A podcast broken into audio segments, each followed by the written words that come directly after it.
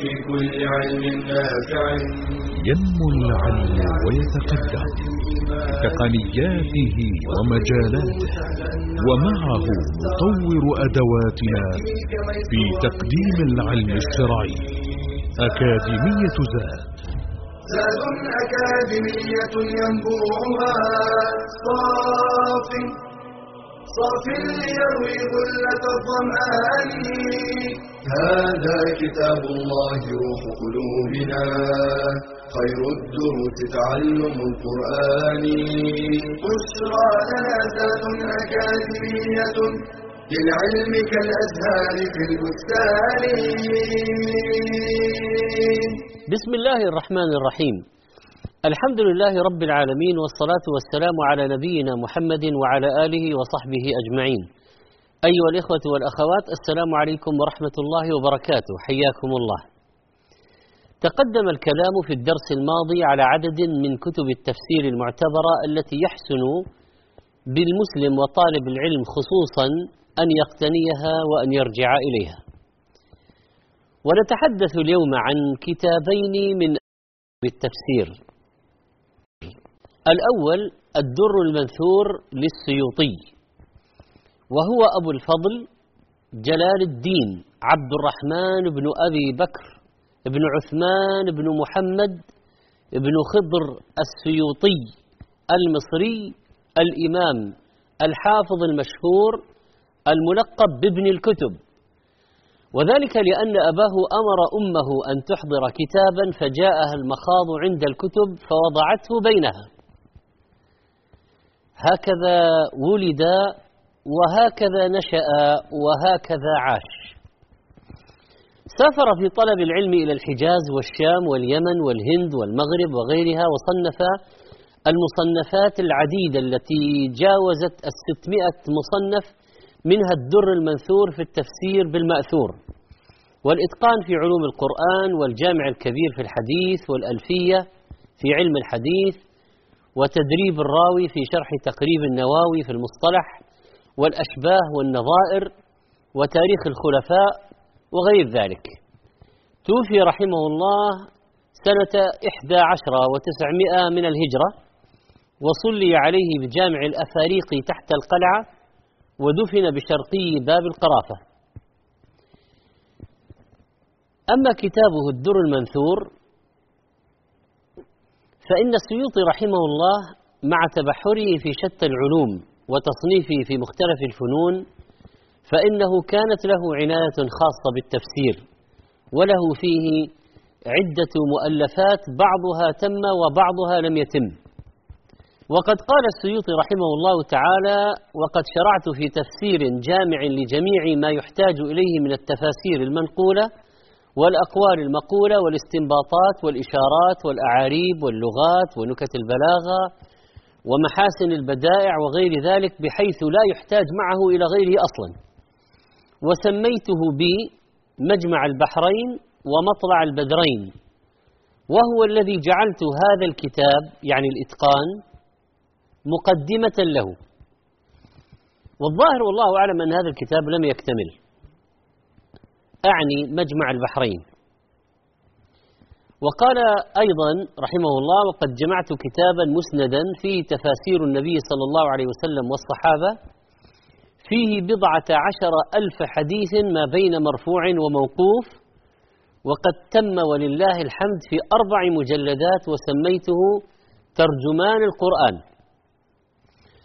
ثم اختصر السيوطي الدر المنثور من ترجمان القرآن. فقال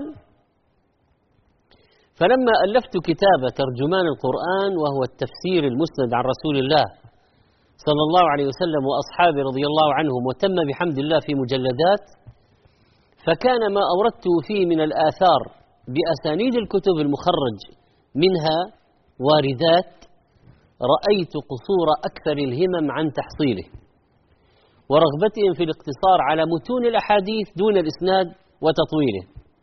فخلصت منه هذا المختصر مقتصرا فيه على متن الأثر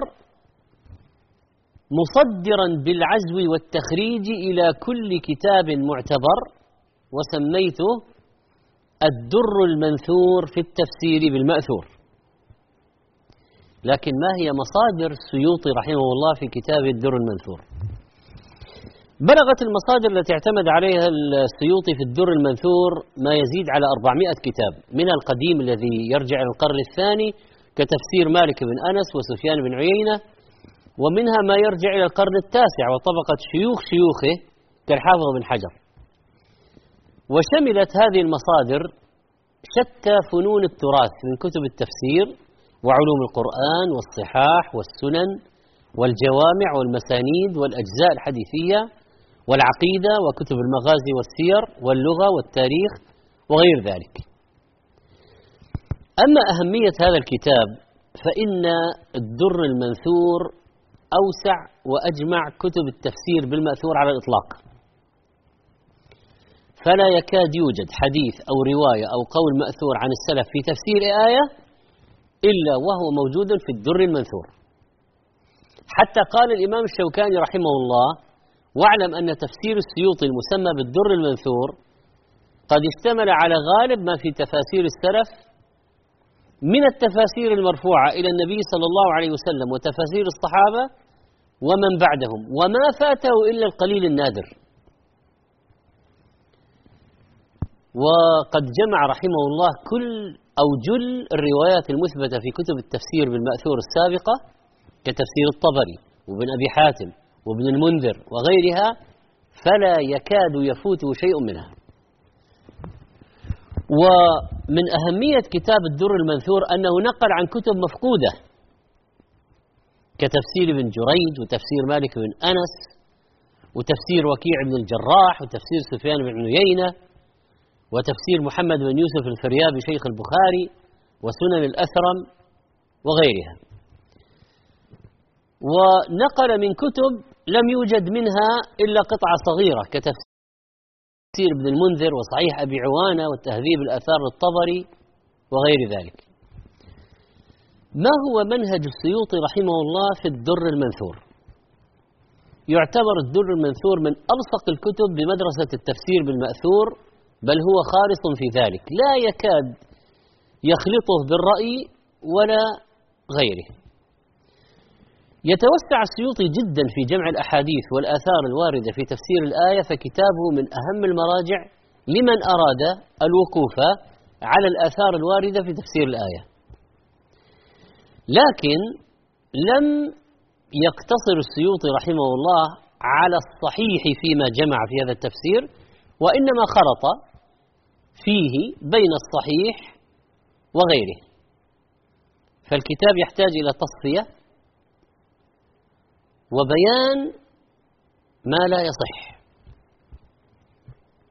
وهذه طبعا وظيفة من يأتي للعناية بالكتاب وإخراجه وتحقيقه وبيان صحة مروياته. يذكر السيوطي الآثار المروية في معنى الآية أو جزء الآية مباشرة دون أن يقدم لها بمعنى إجمالي بخلاف ما فعله ابن جرير رحمه الله مثلا حيث كان الطبري يذكر جزء الآية ويذكر معناه الإجمالي ثم يؤيد ذلك بما يروي من الآثار ثم يذكر مؤيدة بالآثار ثم يرجح الآثار كل هذا لم يفعله السيوطي رحمه الله وإنما جمعها كلها بدون هذه التقسيمات. ومما ينتبه إليه أن السيوطي رحمه الله لم يهتم في تفسيره باللغة والنحو. فلا يوجد فيه إعراب ولا نكت بلاغية ولا محسنات بديعية ولا استنباط من اللغة. وكل ما فيه هو سرد الروايات عن السلف في التفسير دون تعقيب عليها. كذلك لم يهتم السيوطي رحمه الله بذكر المسائل الفقهية. اللهم إلا ما نقله من الآثار الواردة في الآية عن السلف دون تعريج على الخلاف أو الترجيح. نسأل الله سبحانه وتعالى أن يعلمنا ما جهلنا وأن يفقهنا في ديننا.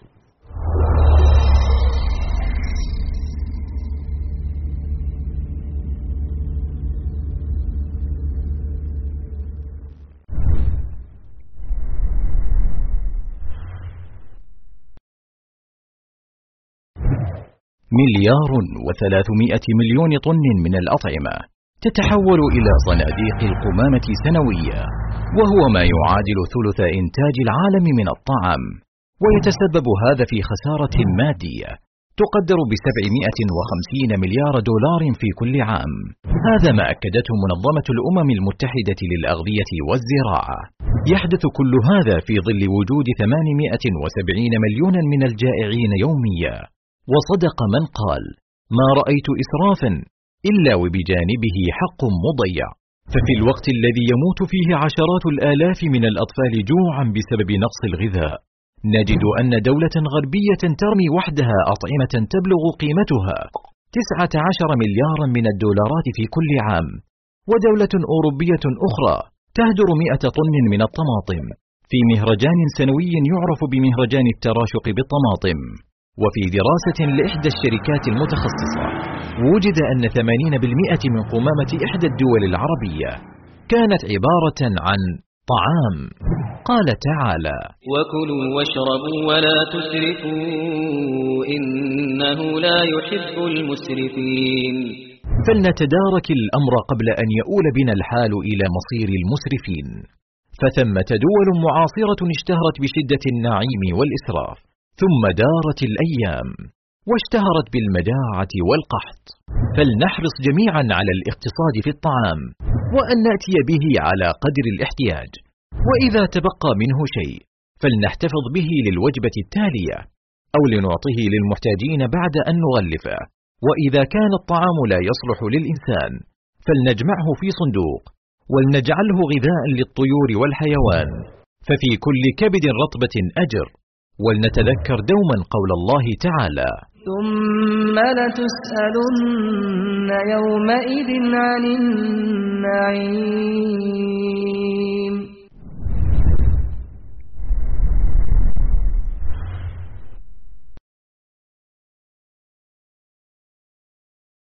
كلمات قصيرة تحمل بين طياتها تنبيها وتحريرا خطيرا.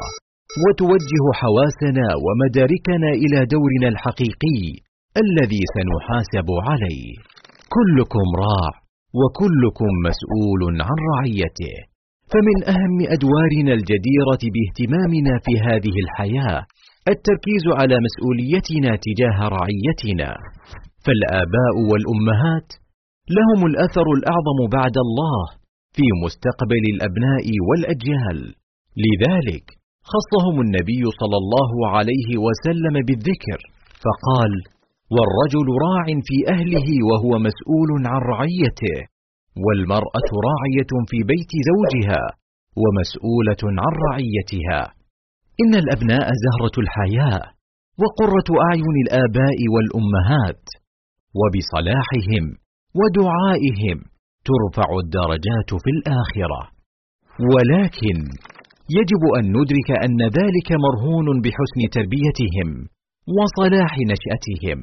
فهنا كان لزاما علينا البحث عن أبرع الطرقات وأفضل الأساليب في التربية والتوجيه ليكون أبناؤنا في قابل أيامهم مصدر بر وسعادة لنا وسواعد خير وبناء للمجتمع والإنسانية.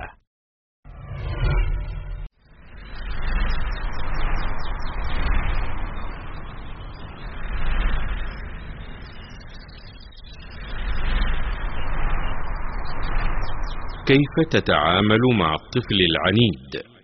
الابتعاد عن أسباب العناد أولا قبل البحث عن علاج إعطاؤه الأشياء التي ليس منها مشكلة فليس جميع الأشياء ممنوعة إذا حصل المنع فلا بد من الحزم وعدم التأثر بردة الفعل ليكن المربي أكثر حرصا وإصرارا على تربية الطفل وتأديبه من الطفل على تحقيق مطلوبه. رياض الأصالة زاد المنى تضيء الليالي وتمحو الدجى تفوح بطيب الكتاب المبين على نسمات الهدى والصفاء. على نسمات الهدى والصفاء. سبيل الرشاد بشير العباد رحيق الشهاد وقطر الندى. هي الزاد زاد العلا والدنا لزاد الحياة وزاد التقى. لزاد الحياة وزاد التقى. مشاعل خير تنير البلاد مناهل تروي أنين الجوى. إذا هزني الشوق نحو السنا قناتي يزاد رفيق السرى. قناتي يزاد رفيق السرى.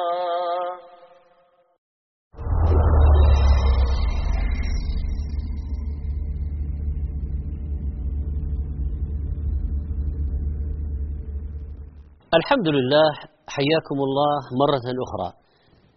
ثاني الكتب التي ندرسها اليوم فتح القدير الجامع بين فني الرواية والدراية من التفسير للإمام الشوكاني رحمه الله. وهو الإمام محمد بن علي بن محمد بن عبد الله الشوكاني. ولد بهجرة شوكان من بلاد خولان باليمن. ونشأ في صنعاء في بيت علم وفضل فكان والده من العلماء المشهورين في عصره. وللشوكاني مؤلفات كثيرة منها نيل الأوطار في شرح منتقى الأخبار في الفقه. الأحاديث الفقهية والسيل الجرار المتدفق على حدائق الأزهار وإرشاد الفحول إلى تحقيق الحق من علم الأصول وغيرها. وتوفي الإمام الشوكاني رحمه الله ليلة الأربعاء لثلاث بقين من شهر جماد الآخرة عام خمسين ومائتين وألف للهجرة. وقد صلي عليه في الجامع الكبير بصنعاء. أما تفسيره المسمى بفتح القدير فإن كتب التفسير عموما كما تقدم تنقسم إلى قسمين التفسير بالمأثور والتفسير بالرأي.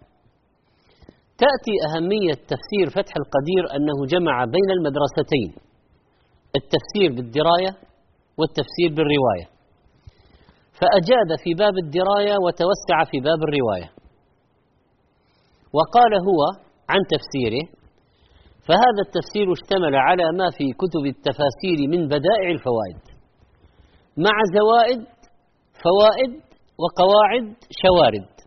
فإن أحببت أن تعتبر صحة هذا فهذه كتب التفسير على ظهر البسيطة.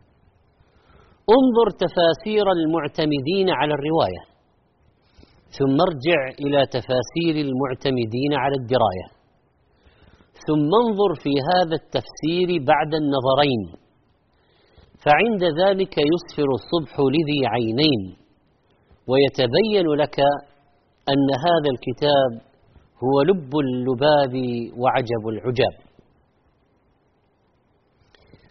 أما مصادر الإمام الشوكاني رحمه الله في تفسيره فقد اعتمد على أقوال أبي جعفر النحاس وابن عطية الدمشقي وابن عطية الأندلسي والقرطبي والزمخشري وغيرهم. وأما منهجه في فتح القدير فإنه الجمع بين الرواية والدراية وواضح من اسم الكتاب أنه قصد الجمع بينهما وعدم الاقتصار على أحدهما. وقد ذكر في مقدمة تفسير أن بعض المفسرين اقتصر على جانب الرواية وبعضهم الآخر اقتصر على جانب الدراية. ثم قال وبهذا تعرف أنه لا بد من الجمع بين الأمرين وعدم الاقتصار على مسلك أحد الفريقين وهذا هو المقصد الذي وطنت نفسي عليه والمسلك الذي عزمت على سلوكه إن شاء الله مع تعرضي للترجيح بين التفاسير المتعارضة مهما أمكن. واتضح لي وجهه وأخذي من بيان المعنى العربي والإعرابي والبياني بأوفر نصيب. ومن طريقته رحمه الله أنه يذكر مجموعة من الآيات ثم يفسرها تفسيرا عاما. ثم يذكر بعد الفراغ من ذلك الروايات التفسيرية الواردة عن السلف في مجموع الآيات ويذكر المناسبات بين الآيات. ويرجح ويستظهر ويستنبط ويعطي نفسه حرية واسعة في الاستنباط ويستبعد بعض الأشياء ويستغرب ويستنكر. وهو الذي بلغ رتبة الاجتهاد. ومثال ما تقدم عند تفسير قول الله تعالى فلا تك في مرية مما يعبد هؤلاء إلى قوله واصبر فإن الله لا يضيع أجر المحسنين. قال لما فرغ الله سبحانه من أقاصيص الكفرة وبين حال السعداء والأشقياء سلى رسوله صلى الله عليه وسلم بشرح أحوال الكفرة من قومه في ضمن النهي له عن الامتراء في أن ما يعبدونه غير نافع ولا ضار ولا تأثير له في شيء. واصبر على ما أمرت به من الاستقامة وعدم الطغيان والركون إلى الذين ظلموا. وقيل إن المراد الصبر على ما أمر به دون ما نهي عنه لأنه لا مشقة في اجتنابه وفيه نظر يقول الشوكاني وفيه نظر. فإن المشقة في اجتناب المنهي عنه كائنة. وعلى فرض كونها دون مشقة امتثال الأمر فذلك لا يخرجها عن مطلق المشقة. فإن الله لا يضيع أجر المحسنين. أي يوفيهم أجورهم ولا يضيع منها شيئا فلا يهمله ولا يبخسه بنقص.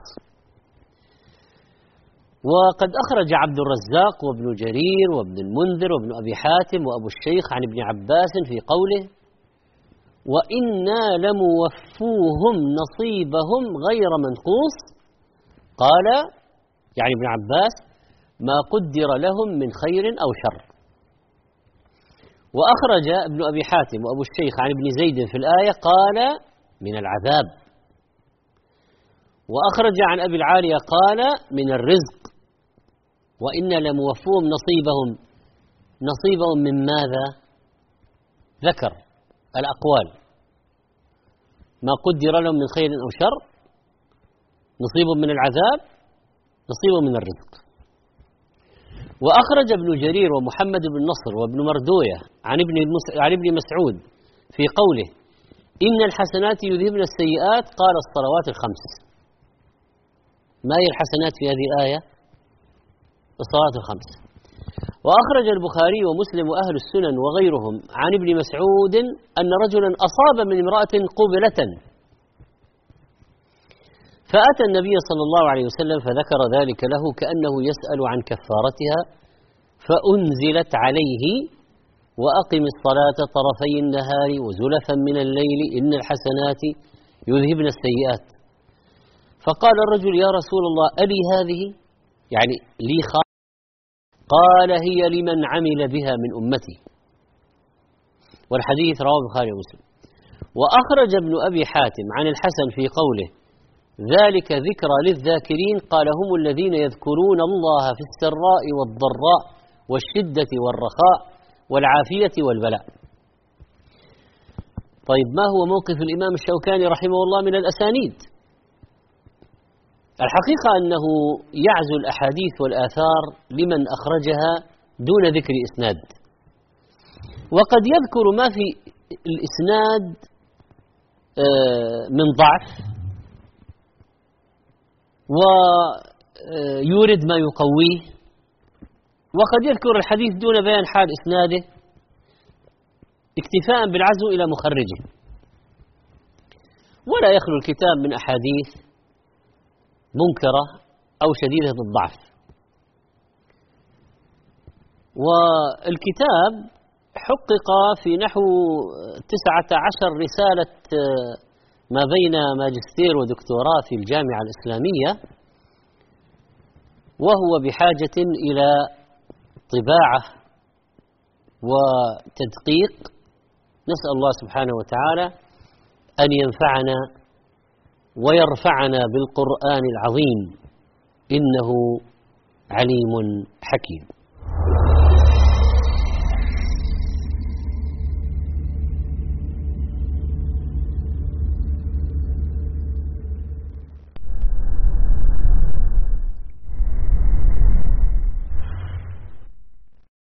هل تحمل هم نفقات تطاردك ولا تستطيع تلبيتها؟ هل فكرت في أي حلول لسد هذه النفقات؟ أم أن أول ما تفكر فيه هو الاستدانة فلتسأل نفسك هل سأقترض لأمر ضروري؟ هل وقت الاقتراض مناسب؟ هل المبلغ الذي سأقترضه سيؤثر على ميزانية الأسرة؟ كيف سيسدد الدين؟ وكم سيستغرق من الوقت؟ واعلم أن الدين وإن كان جائزا إلا أن أمره خطير. ولذلك استعاذ منه النبي صلى الله عليه وسلم فقال اللهم إني أعوذ بك من المأثم والمغرم. كما أنه صلى الله عليه وسلم لم يصل على من مات وعليه دين. فلا ينبغي لعاقل أن يورط نفسه في الدين لأمور ترفيهية أو تكميلية لأن الدين يصيب بالهم والغم وقد يوقع في الكذب وإخلاف الوعد والمشكلات الأسرية ويستحب للدائن أن يخفف عن المدين. وقد وعد الله المقرض أجرا عظيما على تفريجه كربة مسلم. ولا يجوز للمدين أن يماطل في رد الحقوق مع القدرة. ولتعلم أن النية الصالحة سبب في قضاء الدين. ففي الحديث من أخذ أموال الناس يريد أداءها أدى الله عنه. ومن أخذ يريد إتلافها أتلفه الله.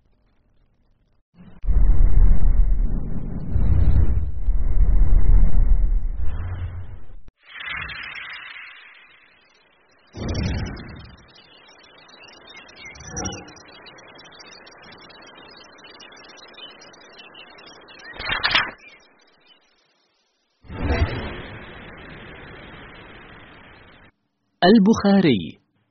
هو محمد بن إسماعيل بن إبراهيم بن المغيرة البخاري الإمام الحافظ المحدث الفقيه صاحب الجامع الصحيح أصح كتاب بعد كتاب الله تعالى. قال رحمه الله صنفت الصحيح في ست عشرة سنة وجعلته حجة فيما بيني وبين الله تعالى. وقال رحمه الله ما وضعت في كتاب الصحيح حديثا إلا اغتسلت قبل ذلك وصليت ركعتين. ومن مصنفاته أيضا التاريخ الكبير والأدب المفرد والقراءة خلف الإمام وغيرها من المصنفات. توفي رحمه الله سنة ست وخمسين ومئتين من الهجرة.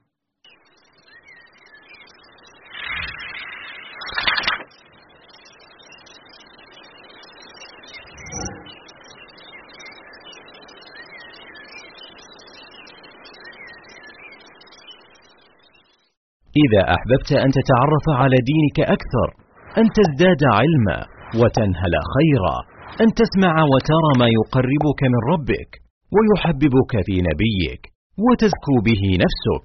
في قناة زاد تجد ذلك وأكثر. تصفح وتجول في واحة إيمانية من مقاطع مميزة من إنتاج مجموعة زاد. تتنوع بين المادة العلمية والرقائق الإيمانية والفواصل الدعوية المحترفة إعلامية والمؤصلة منهجية. تخاطب الرجال والنساء الكبار والصغار. تدعو البعيد وتؤنس القريب. مقاطع موشن جرافيك مميزة. دورات علمية متخصصة. فواصل درامية شيقة. لقاءات دعوية ممتعة. برامج تلفزيونية.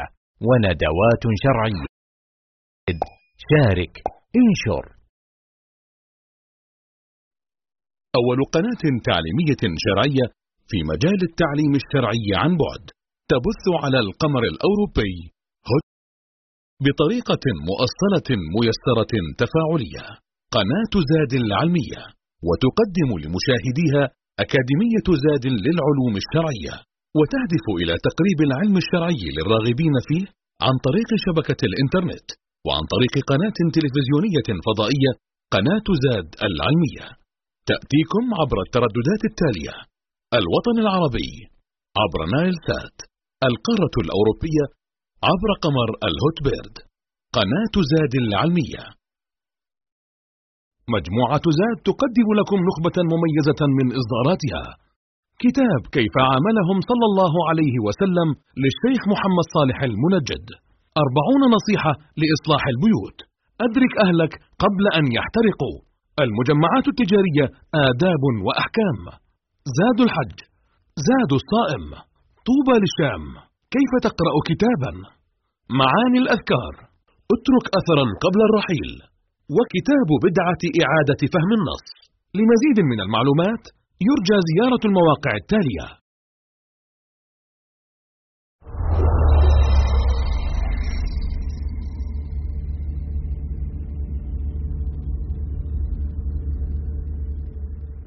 الحمد لله. حياكم الله أيها الإخوة والأخوات مرة أخرى. في التفاسير يحتاج الباحث طالب العلم إلى التدقيق في موضوع موقف المفسر من آيات الصفات وما هي عقيدته في ذلك لأنه إذا قرأ يحتاج أن يعرف. هل المفسر هذا على طريقة السلف في الأسماء والصفات أو ماذا؟ حتى لا يروج عليه شيء من الباطل أو يقع في شيء من الخطأ. فإذا سأل سائل ما هو موقف الإمام الشوكاني رحمه الله من آيات الصفات؟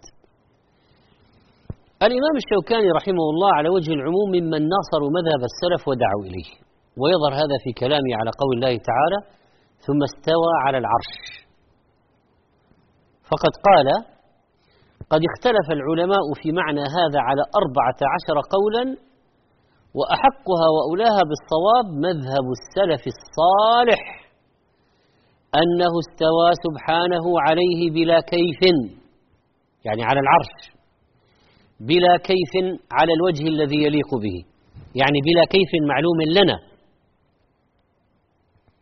كيفية الاستواء معلومة لله. لكن نحن الكيفية ليست معلومة بالنسبة لنا.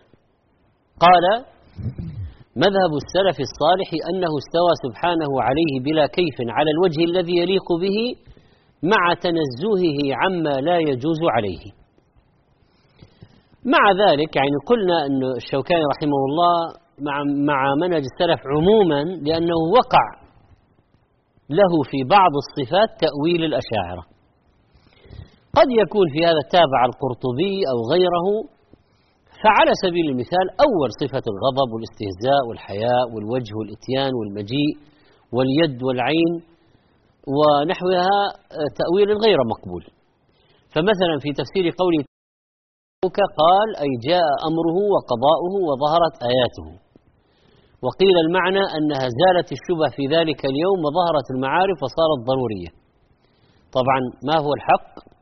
وجاء ربك يأتي الله سبحانه وتعالى بنفسه إتيانا يليق بجلاله وعظمته. ما المانع؟ ما المانع أن يقول جاء الله أتى ربنا مجيئا وإتيانا يليق بجلاله وعظمته.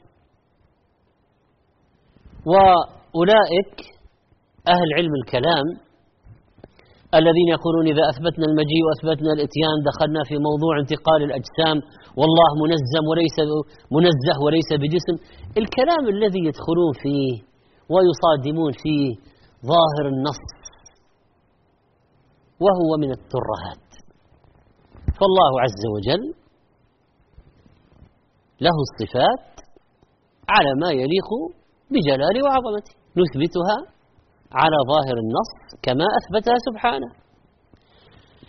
في قول الله تعالى يد الله فوق أيديهم قال يعني الشوكاني والمعنى أن عقد الميثاق مع رسول الله صلى الله عليه وسلم كعقده مع الله سبحانه من غير تفاوت.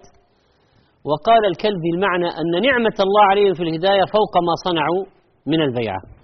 طبعا هذا أيضا تأويل باطل. يد الله حقيقة الله عز وجل له يد حقيقية تليق بجلاله وعظمته ليست كأيدي المخلوقين وهو سبحانه وتعالى فوق عباده ويد الله فوق أيدي العباد. ما هو موقف الإمام الشوكاني رحمه الله من الأحكام الفقهية؟ الشوكاني إمام علامة فقيه مجتهد. وله مؤلفات فقهية عظيمة. مثل نيل الأوطار والدرر البهية. وقد اعتنى بآيات الأحكام وأورد أقوال الفقهاء مع الاستدلال والترجيح. مثال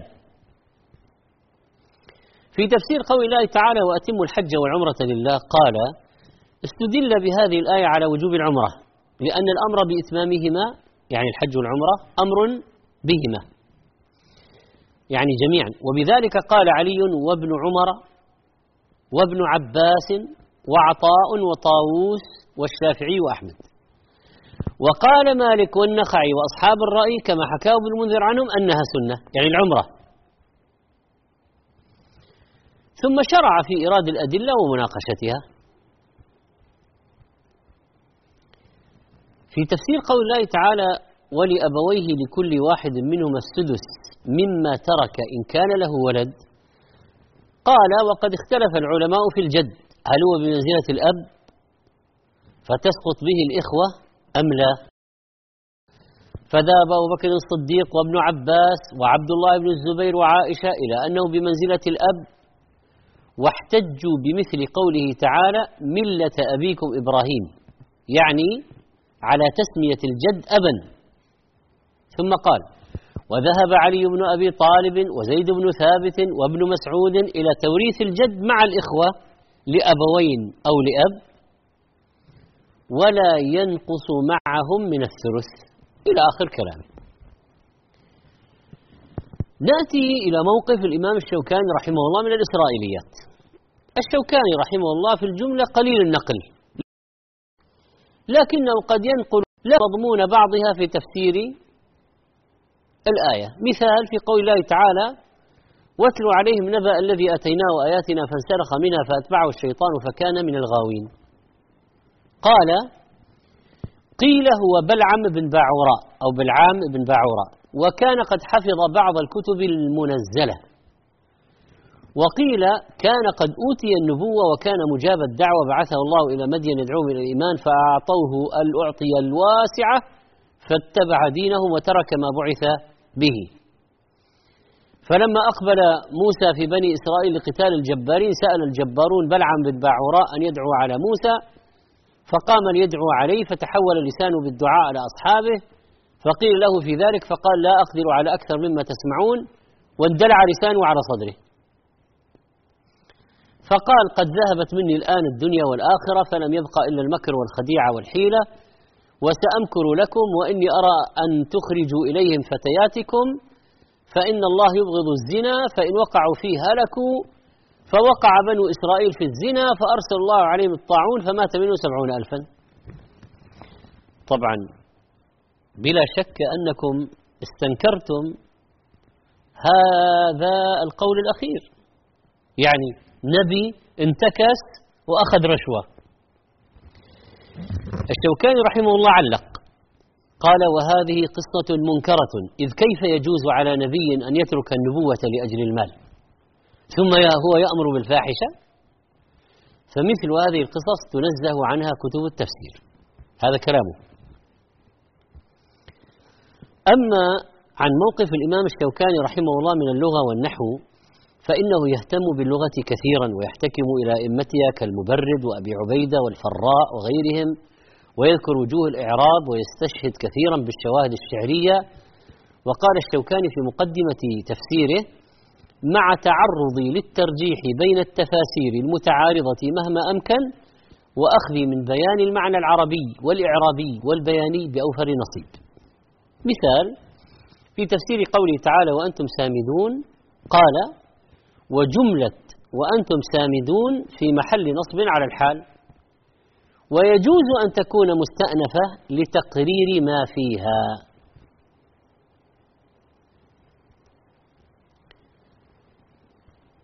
والسمود الغفلة والسهو عن الشيء. وقال في الصحاح سمد سمودا رفع رأسه تكبرا فهو سامد. وقال ابن الأعرابي السمود اللهو والسامد اللاهي. يقال للقينة يعني المغنية المطربة القينة في لغة العرب المغنية. يقال للقينة أسمدينا يعني ألهينا بالغناء. وقال المبرد سامدون خامدون. فاستشهد أو نقل كلام أئمة اللغة في المعاني المتعددة لقوله سامدون. أما بالنسبة للقراءات فإن الإمام الشوكاني رحمه الله يهتم بذكر القراءات وتوجيهها. فعلى سبيل المثال في تفسير قوله تعالى وإن كلا لما ليوفينهم ربك أعمالهم قال قرأ نافع وابن كثير وأبو بكر وإن بالتخفيف على أنها إن المخففة من الثقيلة. وعملت في كلا يعني نصبتها. وعملت في كلا النصب. وقد جوز عملها الخليل وسيبويه أي مع التخفيف.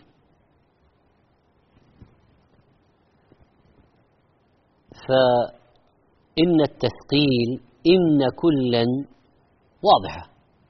لكن على قراءة إن هل تبقى كلا منصوبة؟ فذكر من جوز عمل إن المخففة بالنصب. وقال أيضا وقد جوز البصريون أيضا تخفيف إن مع إعمالها.